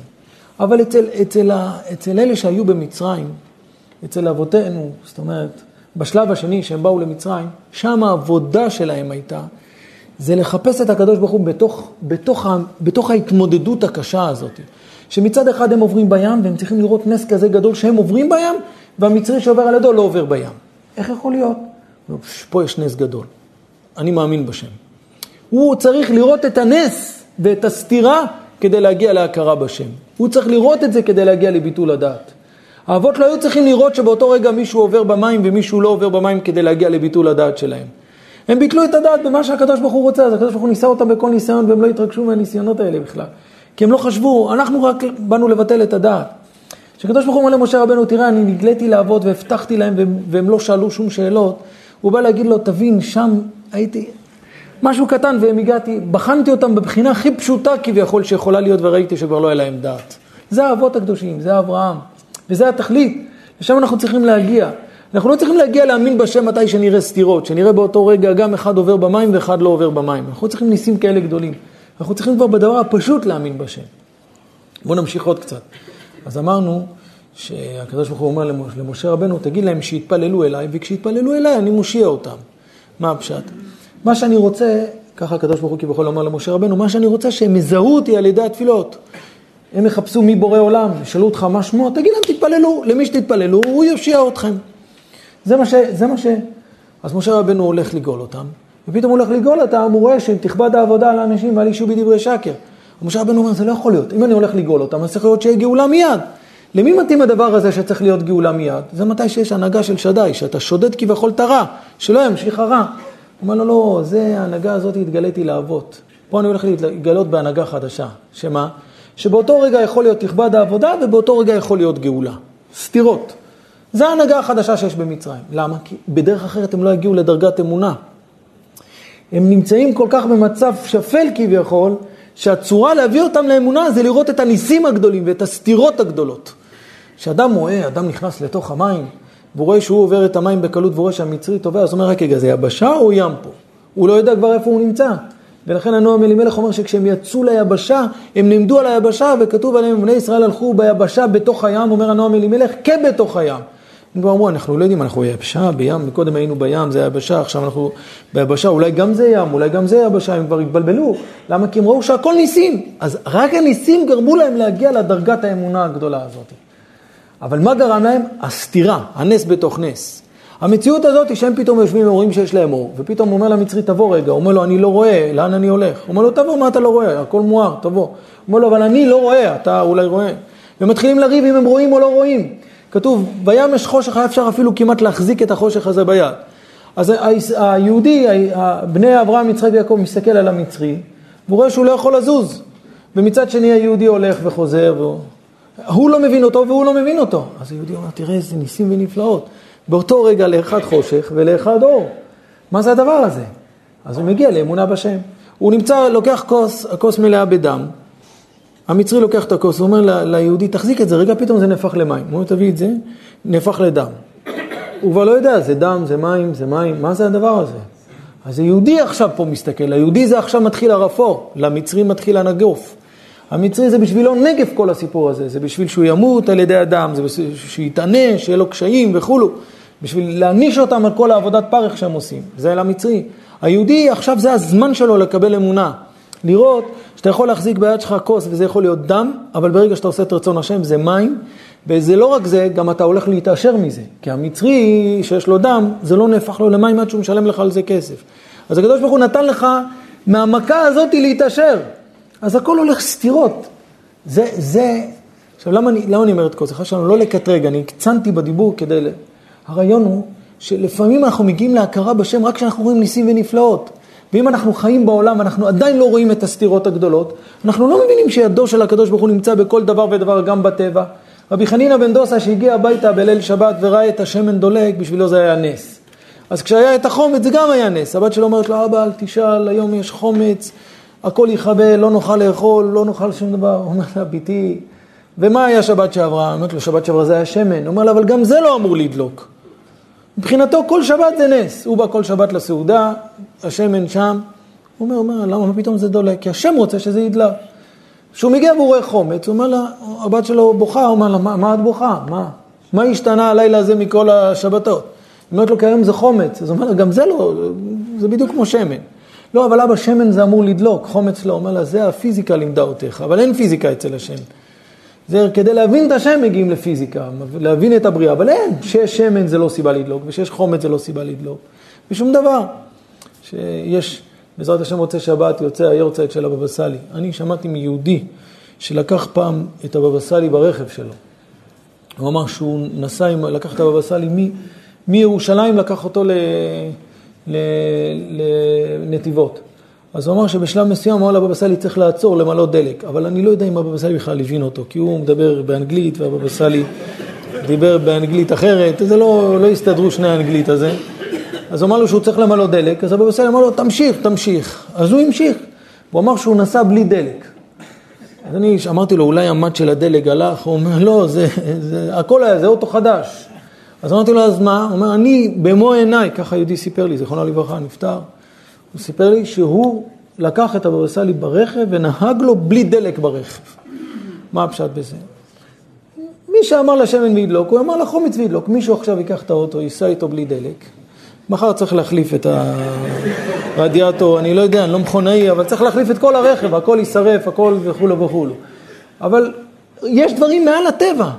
כשאדם חי מעל הטבע, ואנחנו מזכירים, את זה המון פעמים, כשאדם חי מעל הטבע, אז הכל מעל הטבע. אז מי שאמר לשמן וידלוק, הוא אמר לחומץ וידלוק. וזה בדיוק מה שקרה לרבי חנינא בן דוסה. רבי חנינא מגיע הביתה, הבת שלו בלחץ, הוא אומר לה, מה את בלחץ? מה, הכל בסדר, אין שום שינוי, בדיוק כמו שבת שעברה. לא, אבל שבת שעברה זה היה שמן, הוא אומר לה, ושמן וחומץ זה אותו דבר, את פשוט התבלבלת, זה, הכל אותו דבר. זה היה הדרגות של רבי חנינא בן דוסה, זה הדרגות הגבוהות. אנחנו, מה אנחנו צריכים? אנחנו בשביל להתפעל, אנחנו צריכים לראות חומץ ולראות שחומץ דולק. או-אה, חומץ דולק, זה נס. אבל האבות הקדושים, גם שמן זה נס, הכל מעל הטבע. וזה בדיוק מה שהיה אצל אברהם, יצחק ויעקב. אברהם, יצחק ויעקב, ההנהגה שאצלם, שהיא הייתה, שהקדוש ברוך הוא עשה להם ניסיון פשוט, הבטיח להם את הארץ, ואין את הארץ, הם רואים פה משהו לא בסדר, והם עדיין לא מערערים, אז כבר הם, הם יצרו את ביטול הדת שלהם כלפי הקדוש ברוך הוא. הם כבר נותנים את האמונה, והם מאמינים בשם, ואין שום שאלות, וכן יהיה ולא יהיה, מי אנחנו בכלל? אבל אצל העם ישראל, שהם היו אחר כך במצרים, כדי להביא אותם לדרגת האמונה, היה צריך להביא אותם למקום שהם רואים דברים סותרים, שזה יכול להיות דם וזה יכול להיות מים, שזה יכול להיות צפרדע לזה וצפרדע... הצפרדע יודעת את השם ואת הפרצופים של האנשים, היא יודעת מי יהודי ומי לא יהודי, והרוב יודע מי יהודי ומי לא יהודי, וכל מה ש... וכל המכות שהיו שם, הברד, הברד מחליט למי ללכת, למי לא ללכת. הברד יורד מן השמיים, אבל כשזה מגיע למקום שיש יהודי, הברד לא מזיק לו, הוא מסביב. מה זה הדבר הזה? זה נס. הנס הזה, הנס בתוך נס, התהפוכה הזאת, היא גורמת לבני ישראל להגיע לדרגה גבוהה. אז ככה פחות או יותר אנחנו הצלחנו כמעט להסביר מהו ההבדל בין ההנהגה שהייתה אצל, אצל האבות הקדושים להנהגה שהייתה אצל משה רבנו. עכשיו אנחנו צריכים לתרץ את כל השאלות. בואו נראה אם זה מתורץ. ודבר אלוקים אל משה ואומר להם אני השם ואראה אל אברהם אל יצחק ואל יעקב ואל שדי. ושמי השם לא, לא נודעתי להם, אומר רש"י, לא הודעתי, לא ניכרתי להם במידה האמיתית שלי. אז שאלנו מה, אז הוא התגלה לעבוד בשם שדי וזה לא המידה האמיתית? הפשט הוא, המהות של השם זה היה, הווה ויהיה. והמהות של היה, הווה ויהיה, שהקדוש ברוך הוא בכל רגע מהווה את הדבר לפי כל אחד, לפי הדרגה שלו. אין שום דבר קבוע, אין שום דבר שהוא סטטי בבריאת העולם. אם אתה רואה משהו מסוים, השאלה מי אתה ביחס לדבר. אז באותו רגע הקדוש ברוך הוא מהווה את זה לך ומהווה את זה לו ומהווה את זה לו. אתה עשית מצווה, אז אתה, אתה מעליית הדולר הזה, יהיה לך עניין בזה. אתה תראה את זה אחר כך, והוא, יהיה לו עניין בזה. זה הכוונה, היה הווה ויהיה. וזה המידה האמיתית של השם, המידה האמיתית של השם, שבגלל שהקדוש ברוך הוא מעל הזמן, ומכיוון שהקדוש ברוך הוא אין לו גוף ואין לו דמות הגוף, ומכיוון שהקדוש ברוך הוא, יש לו ככה, ככה בלתניה מסביר בשאר האיכות, שכשאנחנו אומרים היה הווה ויהיה, אנחנו מתכוונים לומר, כדי להסביר שהקדוש ברוך הוא אין לו את מגבלת הזמן כביכול, הוא מעל הזמן. אז מה הפשט? זה המהות של השם, אין לו זמנים, אין לו מגבלות, היה וההווה והיהיה, הכל, הכל זה דבר אחד. יכול להיות שאתמול זה היום, ויכול להיות שמחר זה עכשיו, אין את זה. זה יכול להיות רק אצל הקדוש ברוך הוא, שאין לו את מגבלת הזמן. זה דברים שאנחנו לא יודעים אפילו איך להסביר אותם. אז מה הרעיון בזה, בהיה הווה ויהיה? זה, זה הקדוש ברוך הוא, היה הווה ויהיה. אבל להתגלות במידה הזאת, לא הייתי צריך להתגלות לאבות הקדושים. אני צריך להתגלות רק במצרים. לאבות הקדושים היה מספיק שם שדי. הם ידעו שיש שם של היה הווה ויהיה, אבל לא הייתי צריך להתנהג עם ההנהגה הזאת בשביל להביא אותם לאמונה ולביטול הדעת. אבל זו המידה האמיתית, כי זה מהותו של השם, שהיה הווה ויהיה. בסדר? עכשיו, בוא, בוא, עכשיו אנחנו צריכים להסביר מה קורה עם משה רבנו, לפני שאנחנו ניישב את השאלה הראשונה. אמרנו על משה רבנו, מצד אחד אנחנו רואים שמשה רבנו אומר למה הרעות על העם הזה. במידת הדין רצתה מיד, כך כתוב, ביקשה מידת הדין לפגוע במשה רבנו. ומצד שני אומר הזוהר, שבגלל שמשה רבנו אמר למה הרעותה, הוא עלה דרגה. אז למה הרעותה זה סיבה לעלות דרגה, או למה הרעותה זה סיבה למידת הדין? אז אולי אפשר להסביר ככה, זה קצת יותר פשוט, אבל זה, זה מה שאפשר להשמיע. אולי אפשר, ברשותכם, להסביר ככה. אם משה רבנו לא היה אומר למה הרעותה, הקדוש ברוך הוא לא היה מעלה אותו דרגה. ברגע שמשה רבנו, ברגע שמשה רבנו הוא רואה שעם ישראל סובלים והוא לא יכול לשתוק, הוא לא יכול לשתוק, אז הקדוש ברוך הוא אומר לו, אתה מוכן לסבול, אתה מוכן לאבד כביכול, העיקר שהאחים שלך לא יסבלו, אתה ראוי להכל. מצד שני, אתה ערערת אחרי השם. זה לא סתירה, אבל... אני אספר סיפור. אני מחזיר קצת פרטים. אני אספר סיפור. אני שמעתי את הסיפור הזה אתמול. סיפר לי יהודי ש... שיש לו חבר, סיפור מאוד מעניין, שיש לו חבר, והחבר הזה, אמ, הוא היה בלחץ כלכלי מסוים, והוא הלך לאחד מהמשפחה שלו, דוד שני, שלישי, שיעזור לו קצת. אז הדוד אמר לו, אני מסכים לעזור לך, אבל בתנאי שאף אדם בעולם לא ידע שאני עוזר לך. אל תספר לאימא שלך, אל תספר לסבתא שלך, אל תספר... אני אעזור לך, אבל שזה יהיה סוד. תבוא כל חודש, אני אתן לך עזרה, אבל אל תספר. ההוא היה מגיע כל חודש, והיה נותן לו עזרה. נותן לו כמה אלפי שקל, שיהיה לו איך להתמודד. אחרי כך, חמש שנים, יום אחד הוא בא אליו כדי לקבל, הוא אמר לו, תגיד לי, סיפרת למישהו? הוא אמר לו, כן, סיפרתי לאימא. אומר לו, אבל אמרתי לך לא. אומר, היה קשה לי לשמוע שמדברים עליך שאתה לא עוזר לי, שאתה לא עוזר ויש לך יכולת, אז אני סיפרתי. מאז הוא הפסיק לעזור לו. אמרתי לך, אל, אל תדבר, סיפרת, זה נגמר הסיפור. אמר לי אותו יהודי, מה, הוא צודק שהוא סיפר או לא סיפר? אמר לו לא לספר. אמרתי לו, אני חושב שהוא עשה את הדבר הכי נכון. הוא היה צריך לספר. מדברים בגנות, בזמן שאתה מקבל עזרה, אז איך אתה יכול לשתוק? אבל מה, ההוא הפסיק לעזור? זה ההנהגה שלו. אבל הקדוש ברוך הוא לא יפסיק לך על זה שאתה שמעת שדיברו על מישהו והוא עזר לך. צריך להסתכל רחוק, לא להסתכל עכשיו. אל תסתכל עכשיו שהוא הפסיק, לא הפסיק. אתה, אתה פה מול השם, אתה לא פה מול עכשיו הדוד הזה שעוזר ולא עוזר. אתה מול השם, מול השם עשית את הדבר הכי נכון. ממש אתמול שמעתי את זה וזה מצא חן בעיניי. זה בדיוק מה שקשור לפה. משה רבנו רואה את בניו סובלים, הוא אומר לקדוש ברוך הוא שלחת אותי לגאול, הלכתי, ניסיתי לגאול אותם. מה קרה? כי מה אז באתי לדבר, הרע לעם הזה והצל לא הצלת? אה, אי אפשר, שלחת לגאול, זהו, זאת אומרת, התחילה הגאולה, אז צריך לראות שהתחילה הגאולה. הקדוש ברוך הוא אומר לו, אתה שואל עליי שאלות? כי בכל מילים אחרות, הקדוש ברוך הוא, משה רבנו אומר לקדוש ברוך הוא, תעניש אותי, תעשה מה שאתה רוצה, שהם יפסיקו לסבול, כביכול, חס ושלום. למה הריאות על העם הזה? אם, אתה, אם עדיין לא התחילה הגאולה, בסדר, לא התחילה הגאולה. אבל אם התחילה הגאולה, איך אני יכול לשתוק? אתה שלחת אותי לגאול, אני רוצה לראות שמתחילה פה הגאולה. מה, לו, מה, מה קורה מצד שני? יש פה את מידת הדין. מה פשוט מידת הדין? בסופו של דבר, גם אתה, משה רבנו, צריך לקבל הנהגה חדשה. זה בעצם המסר במידת הדין. גם אתה צריך לקבל הנהגה חדשה, כי גם אתה צריך להבין שיכול להיות באותו רגע סתירה. יכול להיות באותו רגע גם למערה אותה וגם שהתחילה גאולה. אז היה מותר למשה רבנו לדבר, סך הכל הוא אמר מה שהוא ראה, נכון? אבל אם משה רבנו היה בדרגה של, של ההנהגה של האבות, לא חס ושלום, הוא היה בדרגה גבוהה, אבל אם הוא היה בהנהגת האבות, אז בהנהגת האבות הוא היה אומר, אני מבטל את הדעת שלי, הקדוש ברוך הוא אומר, אנחנו יכולים בכלל להבין, אבל לא שמשה רבנו לא ידע שיש את הדבר הזה, אבל, אבל הוא, הוא לא הבין שהוא צריך להתנהג בהתאם לאמונה הזאת, בהתאם לידיעות האלה. חס ושלום לחשוב שמשה רבנו לא ביטל את עצמו, ותחסרו מעט מאלוקים, הגיע לדרגה הכי גבוהה. אבל משה רבנו, הוא לא התנהג בהנהגה הזאת כלפי משהו רע כלפי הקדוש ברוך הוא.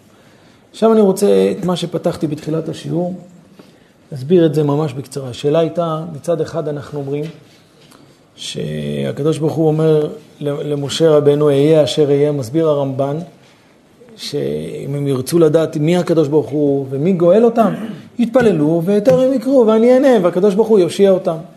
הבאנו את הגמרא בחגיגה, שהגמרא בחגיגה אומרת שכל שאינו בהסתר פנים אינו מזרע ישראל, זאת אומרת מי שלא עובר בחיים שלו הנהגה של הסתר פנים, זאת אומרת אפשר להסביר את זה בכמה דרכים. אבל אני אנסה להסביר את זה בדרך שהיא תרומם אותנו ולא בדרך ש... ולחזק אותנו. אני חושב ככה, בהתאם לדברים שכתובים בחזון איש. הרעיון הוא כך, שימו לב רבותיי. אדם, יש לו איזו התמודדות. אדם שיש לו התמודדות. חס שלום מישהו חולה, או איזו התמודדות אחרת. אז הוא פתאום בא ואומר, אני יש לי אמונה בשם. כשאדם אומר יש לי אמונה בשם, מה בדרך כלל אדם מתכוון? יש לי אמונה בשם ואותו חולה יפסיק להיות חולה? בדרך כלל, מה כולם אומרים? אני מאמין בשם. מה אתה מאמין בשם? שהוא יהיה בריא. החזון איש אומר אחרת.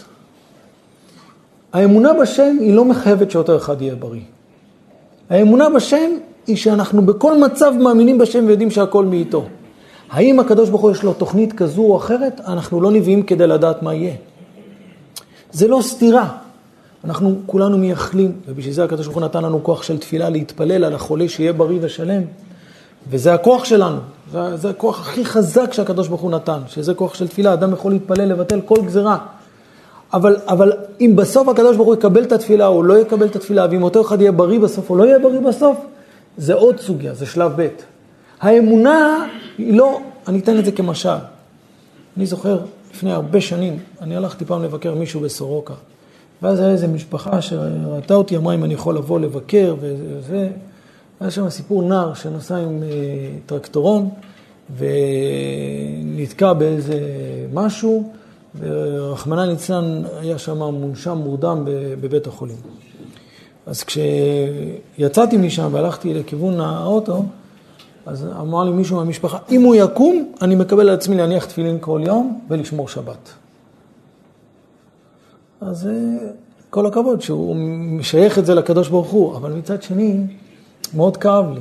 אתה אומר לקדוש ברוך הוא, תראה, אם הוא, בוא נעשה הסכם עודפים. אם הוא יקום, אני אתן לך, ואם הוא לא יקום, אנחנו נמכור את התפילין. כאילו מה? אתה מדבר עם הקדוש ברוך הוא במשא ומתן, אתה עושה איתו משא ומתן. אם מישהו רק יבוא ויגיד לך, תקשיב, אני, אם זה אני רציני איתך, אם לא, אני לא רציני, אז לא רוצה לעשות איתך עסקים, מי שידבר ככה איתך. תגיד, אתה דובר אמת או לא דובר אמת? בוא נראה, אם אתה תיתן לי עבודה, אני דובר אמת, אם לא תיתן לי עבודה, אני לא דובר אמת. אז מי ירצה לעבוד איתך ככה? אתה בא לקדוש ברוך הוא, אתה אומר אני, אני בעזרת השם, אם הוא יקום ממיטת חוליו, אני בעזרת השם אשמור שבת ואניח תפילין. אבל, ואם הוא לא יקום ממיטות חוליו חס שלום, אז אתה לא מאמין בשם. אז אתה מראש אומר לשם, אני לא מאמין בך בגלל, בגלל הכל, אני מאמין לך רק אם אתה תשלם לי פה מזומן בזמן. מה זה? אבל מצד שני, אני לא מקטרק, כי, כי עצם העובדה שהוא הגיע לשלב הזה, שהוא משייך לשם את הבריאות, זה כבר, זה כבר טוב, זה כבר התקדמות גדולה. אבל זה לא נכון לעשות את המשא ומתן הזה עם הקדוש ברוך הוא, זה לא ראוי לעשות את זה, אתה לא מגלה על אמונה, חס ושלום. כשאדם יש לו התמודדות, אז אדם, דבר ראשון, העבודה היא שברגע שיש משהו להגיד, אני מאמין בהשם, אני יודע שהקדוש ברוך הוא מנהל את זה, וזה לא הגיע במקרה, זה הגיע בגלל הקדוש ברוך הוא. זה לא קרה בגלל שלא לבשתי שכפ"ץ, זה לא קרה בגלל שלא הייתי בממ"ד, זה, לא, זה קרה בגלל שהקדוש ברוך הוא רצה שזה קרה. אז הקדוש ברוך הוא דאג באותו יום שלא יהיה את זה ולא יהיה את זה ולא יהיה את זה. זה, זה הקדוש ברוך הוא עשה, זה לא, אם הייתי בא דקה אחרי, זה לא היה קורה. אם היית בא דקה אחרי, גם לא היה מגיע אותו דבר, זה הגיע רק בגלל שהגעת באותו דקה. האמונה שלנו לדעת שכל דבר מגיע במדויק, זה הגיע בגלל זה. אותם אנשים שהם בכלל לא היו גרים באזור הזה של עוטף עזה. ובאותו שבת הם הגיעו רק לבקר, והם היו שמה והם מתו שם. אז מה הם אומרים? רק בגלל שהגעת... לא, הקדוש ברוך הוא רצה שאותו נשמה תמות, אז באותו שבת הוא הגיע לעשות שמה, באזור. האם הוא יכל לברוח מזה? הוא לא יכל לברוח מזה, כי גם מי, ש... גם מי שברח משם, אם נגזר עליו מוות, אז, אז הוא מת איפה שהוא היה, זה לא משנה. זאת אומרת, זה האמונה. האמונה היא לא אני מאמין בשם כי הוא יהיה בריא, אני מאמין בשם, האמונה היא באה להגיד אני יודע שזה בא מהשם. כשאתה אומר אמונה אתה בא לשייך את זה לבעל הבית, אתה בא להגיד מי הבעל הבית. כשיש התמודדות אני משייך את זה לבעל הבית, אני אומר, אתה יודע למה הוא חולה? כי הקדוש ברוך הוא רצה שהוא יהיה חולה. אז עכשיו מה? איפה העבודה שלנו? עכשיו הקדוש ברוך הוא אומר בוא נראה איך אתה מתמודד עם האירוע הזה. יכול להיות שאם אתה תתפלל אני אשנה את הגזרה. יכול להיות שאם אתה תתפלל ותקבל קבלות טובות הקדוש ברוך הוא ישנה את הגזרה. יכול להיות, יש הרבה דברים שיכולים להשתנות בהתאם לעבודה שאתה תעשה. אבל, אבל אם, אם הוא יהיה בריא או לא בריא, זה לא האמונה. אם הוא יהיה בריא או לא יהיה בריא, זה יהיה תוצאות שלך. האמונה זה לדעת שהכל מגיע מהשם יתברך. גם עכשיו, כל מה שקורה בעולם, בכל עת, בכל שעה, בכל ההתמודדות במלחמה, בכל מה שקורה עכשיו, אתמול שלשום שקרה את האסון הנורא הזה, מה הפשט? זה הכל תוכניות של הקדוש ברוך הוא, זה הקדוש ברוך הוא רצה שיקרה, וזה הקדוש ברוך הוא רצה שיקרה. הרי אותו משוגע שעומד באיזה חלון, אותו מחבל ויורה, הוא יכול לראות גם מפה וגם מפה וגם מפה. פה הקדוש ברוך הוא רצה כך, ופה הקדוש ברוך הוא רצה כך, אבל זה לא אומר שאדם עכשיו ילך על מסילת הרכבת ויגיד אם הקדוש ברוך הוא רוצה, הקטר יעצור. מי שאומר את זה, אז הקדוש ברוך הוא יקרא לו לפגישה אישית, להסביר לו את זה. מה, מה זה הדבר הזה? מה זה אני הולך והקדוש ברוך הוא? אין את הדבר הזה. אתה מחויב חובת ההשתדלות. וחובת ההשתדלות של אדם זה להיות זהיר, וחובת ההשתדלות של אדם זה לא להכניס את עצמו למקום סכנה, ואם יש בית שהגמרא אומרת בברכות, אם יש בית שהוא, שהקיר שם נוטה ליפול, אסור לאדם להיכנס שם, הוא יגיד למה? אני, אם הקדוש ברוך הוא רוצה, ואם הוא לא, מה פתאום? זה קיר סכנה, אסור לך להיכנס לשם. אנחנו מחויבים, יש, יש דף הוראות יצרן, ששם הקדוש ברוך הוא כתב, ושם אנחנו יודעים, זה הגמרות, ההלכות, המשניות, ה... ששם כתוב שמקום סכנה אסור ללכת, וכתוב שאדם צריך לעשות השתדלות לפרנסה שלו. אדם יגיד, אני יושב בבית, אם הקדוש ברוך הוא רוצה שיהיה לי מה לאכול, יגיע ליד הבית. אם הקדוש ברוך הוא לא רוצה שיהיה מה לאכול, מה יעזור שאני אלך ואני אני אלך וגם לא יהיה עבודה? אז עדיף להישאר בבית, לכל הפחות. אדם שאומר כזה דבר, זה ממש טיפשות. הקדוש ברוך הוא רוצה את ההשתדלות שלנו, זה חלק מהחובות שלנו. תצא, תלך לעבודה, תצא, תלך, תשמור על עצמך, אל תגיע למקום סכנה. אני, אני לא נכנס עכשיו לפרטים, אבל אותו דבר גם שיש אזעקה. אדם אם הקדוש ברוך הוא רוצה, אז הוא לא צריך את הטיל בשביל... זה לא נכון. אם אנשי הביטחון אמרו שכשיש אזעקה צריך להיכנס למקום מוגן לפי כללים כאלה וכאלה, אז צריך לעשות את זה, זה הלכה, זה חובה, זה לא הצעה, זה, זה, זה, הלכה, זה, זה, הלכה, זה חובת ההשתדלות שלנו, שאנחנו מחויבים בזה, וזה בכל דבר ודבר. אבל ברגע שחס ושלום מישהו חולה, או כל דוגמה אחרת, אז אדם אומר, אני מאמין. מה אתה מאמין? אתה מאמין שהוא יהיה בריא או אתה מאמין שהקדוש ברוך הוא עשה את זה? אתה מאמין שהקדוש ברוך הוא עשה את זה. אתה מאמין שהוא יהיה בהשם ולכן הוא יהיה בריא? אצל הקדוש ברוך הוא זה לא מי שמאמין בו אז הוא משלם עכשיו, הוא צריך לשלם בגלל שאתה אמרת אני מאמין. בוא נראה מה תעשה בשביל זה. אין חינם. ואם יש חינם בסיבוב ראשון, אז לא יהיה חינם בסיבוב שני. אומרת הגמרא, מי שלא רואה הסתר פנים, אינו מזרע אברהם. למה? כי אצל עם ישראל זה מה שהקדוש ברוך הוא רוצה לבחון. אם אתה מאמין או לא מאמין, לא מתי שאתה מקבל, מתי שאתה לא מקבל. אז אם אתה מאמין רק מתי שאתה מקבל, זה, זה הגויים. הגויים, הכל אצלם זה על אוטומט, אין שום דבר של קירוב לשם או אמונה בשם. אותנו הקדוש ברוך הוא הביא למקום של אמונה בשם, שנאמין בו. איך אתה יכול להגיע לאמונה? רק מתי שיש הסתר פנים. מה התפקיד שלנו? ל- ל- לא, לא להגיע להסתר פנים גדול כדי להכיר את השם, מהסתר פנים קטן להכיר את השם. ואני אסביר את זה. הגמרא אומרת שאדם שמכניס את היד שלו לכיס להוציא מטבע מסוים ויצא לו מטבע אחר, הוא רוצה להוציא שקל ויצא לו חמש שקל. אומרת הגמרא, זה נקרא איסורים. אתם מבינים מה זה איסורים? איסורים זה לא מישהו חולה. איסורים זה כשאדם מכניס את הכיס, רוצה, בא אני רוצה לתת לו את השקל הכי קטן, והוא יוצא לו מטבע גדול. הוא עכשיו צריך להכניס עוד פעם כדי להוציא את השקל. זה, זה האיסורים שלו, מסכן. אין לו, הכל בסדר, הכל חלק. אבל זה עכשיו האיסורים, להכניס פעמיים את היד לכיס. אומרת הגמרא, זה נקרא איסורים. למה? כי הקדוש ברוך הוא רוצה שלאדם הכל יהיה חלק. הכל יהיה חלק. הכל יהיה חלק, לא יצטרך שום דבר לעשות פעמיים. אדם מחפש גמרא, מקום איפה הגמרא אומרת, הוא פותח, בדיוק ייפתח לו איפה שצריך. אם הוא צריך להפוך דף, זה כבר נקרא איסורים. הקדוש ברוך הוא, הפוך פה רואים את האהבה של השם אלינו, הוא כל כך רוצה שהכל יהיה לנו חלק וטוב, שאם אתה צריך להפוך דף זה כבר איסורים אצלך. אם אתה צריך להכניס את היד פעם שנייה זה איסורים. זה מגלה את המידת רחמים ואת, ה, ואת, ה, ואת השפע ואת הטוב שהשם רוצה בשבילנו.